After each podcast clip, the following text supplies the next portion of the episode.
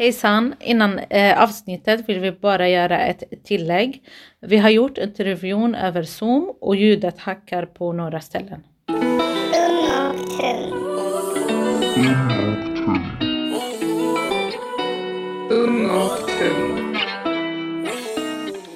Hej och välkomna till Ung och Tung i Mölndal. Jag heter Rawan. Och jag heter Khalid. Idag har vi besök av Daniel Andersson från Kronofogden. Hej Daniel, välkommen. Tackar.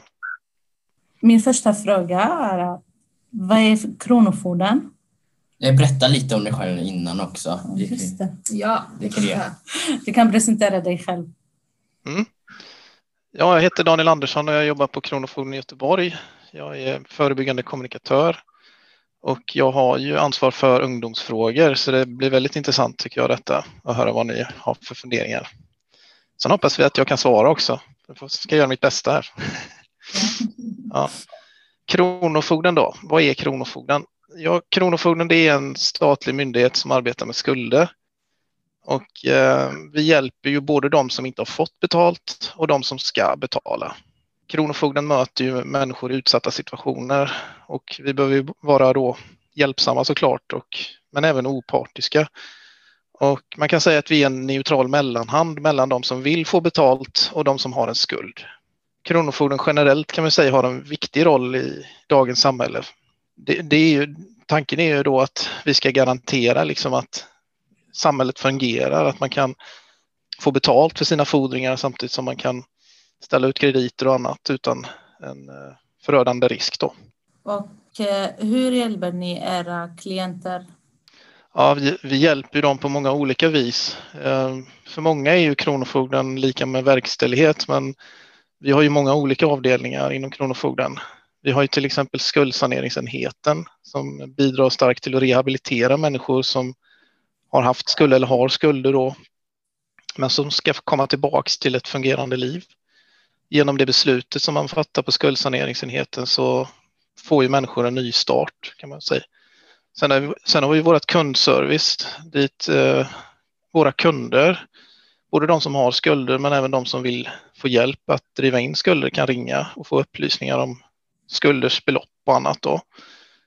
Och sen har vi en betalningsförläggarenhet som eh, skriver ut utslag, beslutar om, om utslag helt enkelt, alltså eh, utsökningstitlar och eh, eh sånt som man kan lämna in för att få verkställt. Då. Och sen har vi ju då eh, verkställighetsenheten då som, som driver in på uppdrag av våra ingivare då, som också är våra kunder. Eh, tror du att det är kopplat till skam att hamna hos Kronofogden? Oh ja, det är väldigt starkt förknippat med skam för de flesta. Och eh, man kan väl säga att det är ju en nedåtgående spiral att ha stora skulder. Och det är en stor risk att de här skamkänslorna och den här övergivenheten eller uppgivenheten som man känner växer då med i takt med att skulderna blir större och större. Det är ju oerhört stressande att ha skulder som växer och eh, därför är det ju så himla viktigt att vi i våran roll har ett konstruktivt förhållningssätt när vi pratar med dem. Hur kan man bemöta klienter för att minska den känslan av skuld och skam? Hur gör ni? Ja, det var väl lite det jag var inne på tidigare då, men det är ju att man, eh, man möter människor i kris och då gäller det att visa respekt och empati. Eh, Och det är ju viktigt i det mötet. Eh, Men även att vi förhåller oss opartiska och professionella i vår roll är också viktigt såklart. Men man ska veta det att de här människorna är väldigt stressade över sin situation och därför så är det viktigt med ett positivt och konstruktivt bemötande. Och eh, den första kontakten brukar man säga, den kan antingen aktivera eller passivera, passivisera. Ehm, Så därför, måste man peka på möjligheterna och inte problemen i den här situationen som de är i. Mm, för att minska stress. Ja, alla negativa känslor som följer med skuld. Ja. Och vad är det bästa man kan göra för att ta sig ur sk- skulder? Ja, det är en bra fråga. Det, det är ju framförallt det är ju att vara aktiv och agera. Inte liksom Eh, försöka att glömma situationen på olika vis utan att vara aktiv och vuxen i den här situationen och öppna posten, skaffa sig en överblick över ekonomin, ta hjälp om man behöver, eh, se till att man eh, får en överblick över inkomst och utgiftssidan ungefär det som man gör i Skuldfällan om ni har sett på det programmet. Ehm, och ehm, man kan behöva sälja tillgångar för att betala skulder ibland. Mm. Man kan behöva professionell hjälp. Då kan man ta hjälp av budget och skuldrådgivare. Det kan också vara bra att ha någon närstående eller någon i sitt sociala nätverk som man kan prata om detta med, för det är väldigt ensamt att ha skulder och det är tungt att ha skulder själv då. Så det kan vara bra att prata med någon också. Är det vanligt idag att unga får betalningsanmärkningar? Är det ett utbrett problem att unga är skuldsatta?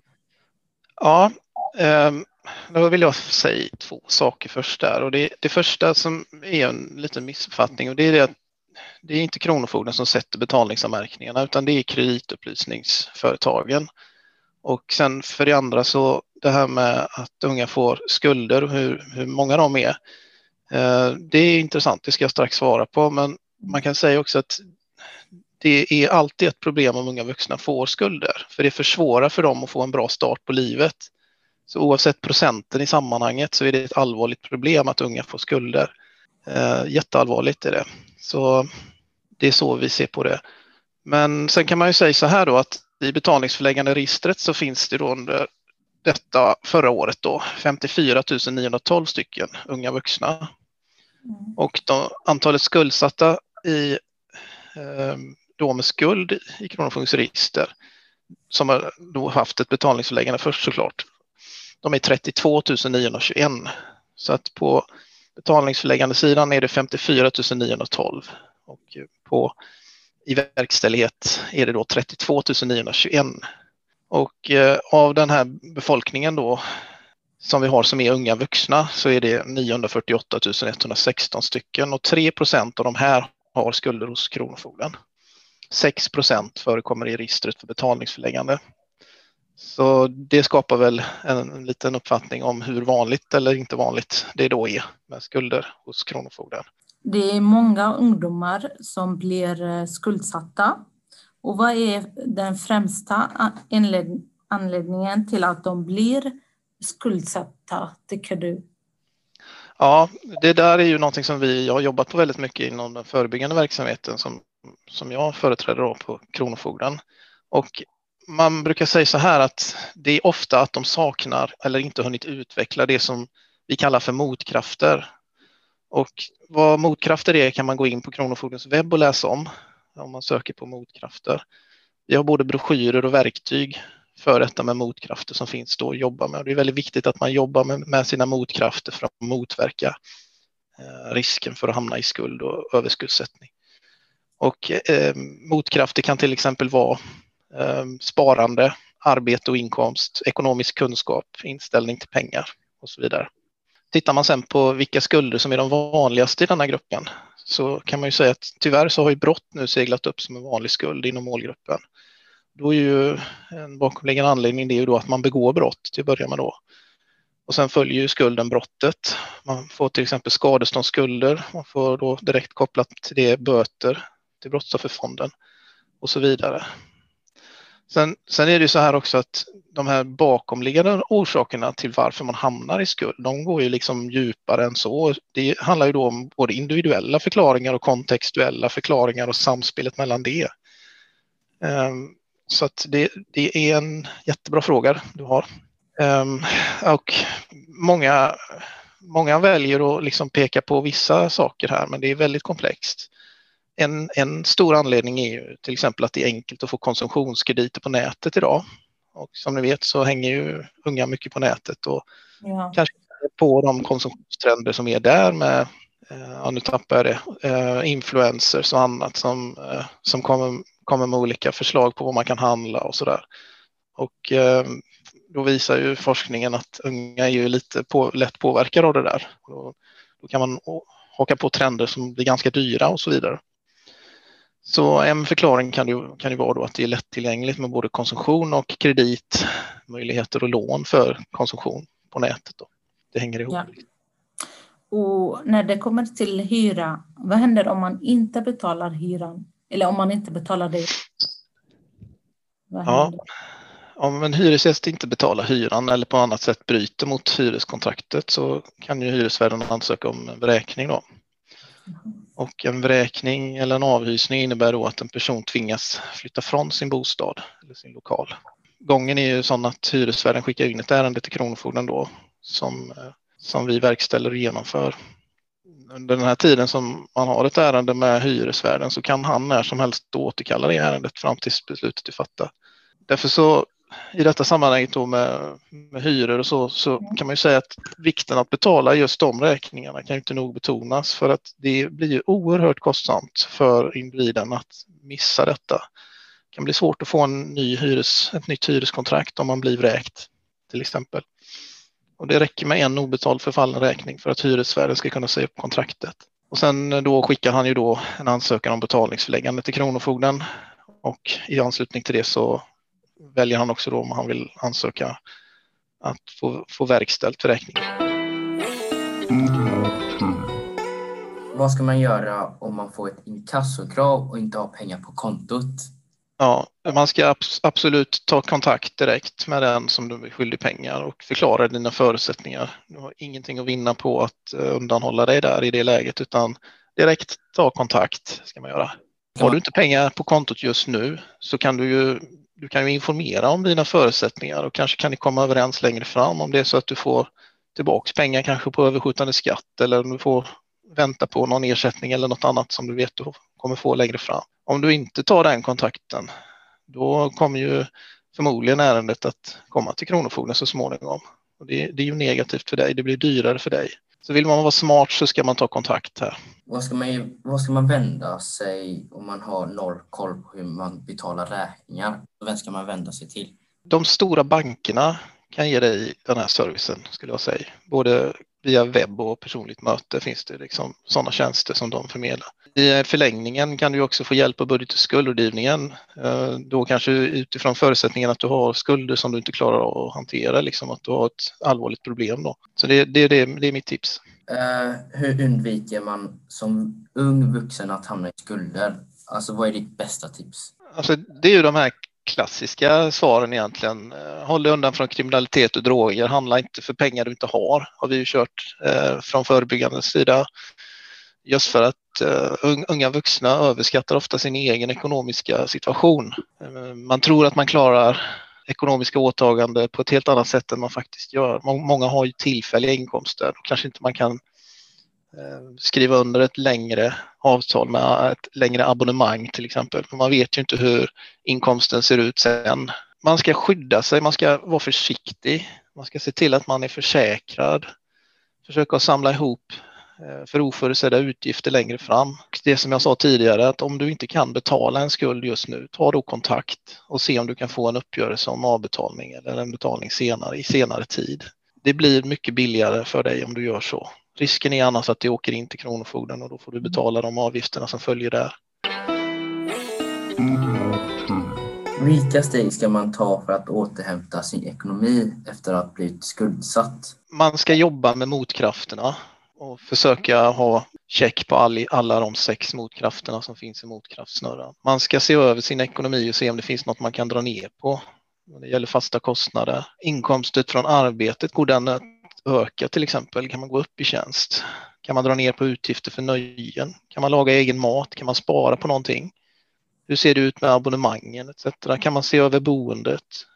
Eh, man ska helt enkelt skaffa koll på inkomst och utgiftssidan och sen ska man eh, viktigast av allt då att anpassa utgifterna efter inkomsterna man har så att man kan fortsätta på den gröna kvisten. Ja, eh, vad brukar vara det största problemet hos unga när det kommer till att vara sparsam? Eh, vad är anledningen till att man inte sparar? Ungdomar har ofta starkare preferenser för här och nu, det som sker här och nu. Eh, det, det är ju en sida av det. Eh, man prioriterar eh, det som ligger närmast i tid. Eh, för många kan det saknas möjligheter.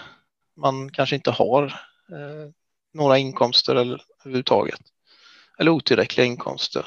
Så många unga tänker kortsiktigt och uppskattar upplevelser och händelser som är här och nu mer än trygghet på sikt och sparande och sånt. Och det kan ju göra att inkomsterna inte räcker till. Arbetar Kronofogden med att motverka att unga hamnar i skuld, skuldsättning? I så fall, hur arbetar ni med det? Eh, vi arbetar med informationsmaterial på webben och läromaterial som är riktat till lärare och skola. Och där kan jag tipsa er om att gå in och kolla på vårt material Skuldkollen som finns på www.kronofogden.se. Om man googlar på Skuldkollen där så kommer man fram till ett bra material. Sen alla elever får ju nu privatekonomi genom skolan, dels i högstadiet i hem och konsumentkunskapen och dels i gymnasiet då genom samhällskunskap 1A. Där har vi varit starkt bidragande i det samarbetet. Ehm, sen deltar vi i ett myndighetsnätverk för barn och ungdomsfrågor. Vi har också samverkan med Finansinspektionen och Konsumentverket för att öka ungdomars intresse och kunskap kring sin egen ekonomi. Ehm, då. Och det är också i sam samverkan då med lärare som vi inspirerar och försöker stödja och arbeta mer med frågor om privatekonomi. Då. Vi pratade ju lite om Lyxfällan förut, men vad tycker du om Lyxfällan och liknande program om skuldsättning? Jag tycker det är ett jättebra program. Ehm, just för att det lyfter upp eh, den här frågan om eh, pengar och privatekonomi på eh, agendan. Liksom. Jag tycker att det är jättebra att man uppmärksammar privatekonomiska frågor och att det kommer fram. Kanske kan man få sig en tankeställare där. Inte minst när det gäller konsumtion och lån för konsumtion då som är viktigt nu och en het potatis faktiskt när det gäller ungas skuldsättning. Tack så jättemycket för intervjun. Ja, ja men jätteroligt att träffa er. Vad kul. Bra frågor också. Hej, det här var Pontus ifrån klipprummet. Och eh, ja, jag skulle bara vilja hälsa från dem i podden att tacka så hemskt mycket för alla som har lyssnat under våren. Och eh, nu så går Ung och Tung i Mölndal på ett litet sommaruppehåll. Men glöm som sagt inte att trycka på prenumerera-knappen i din podcast-app så kommer vi dyka upp till hösten igen. Ha en trevlig sommar. Hej då!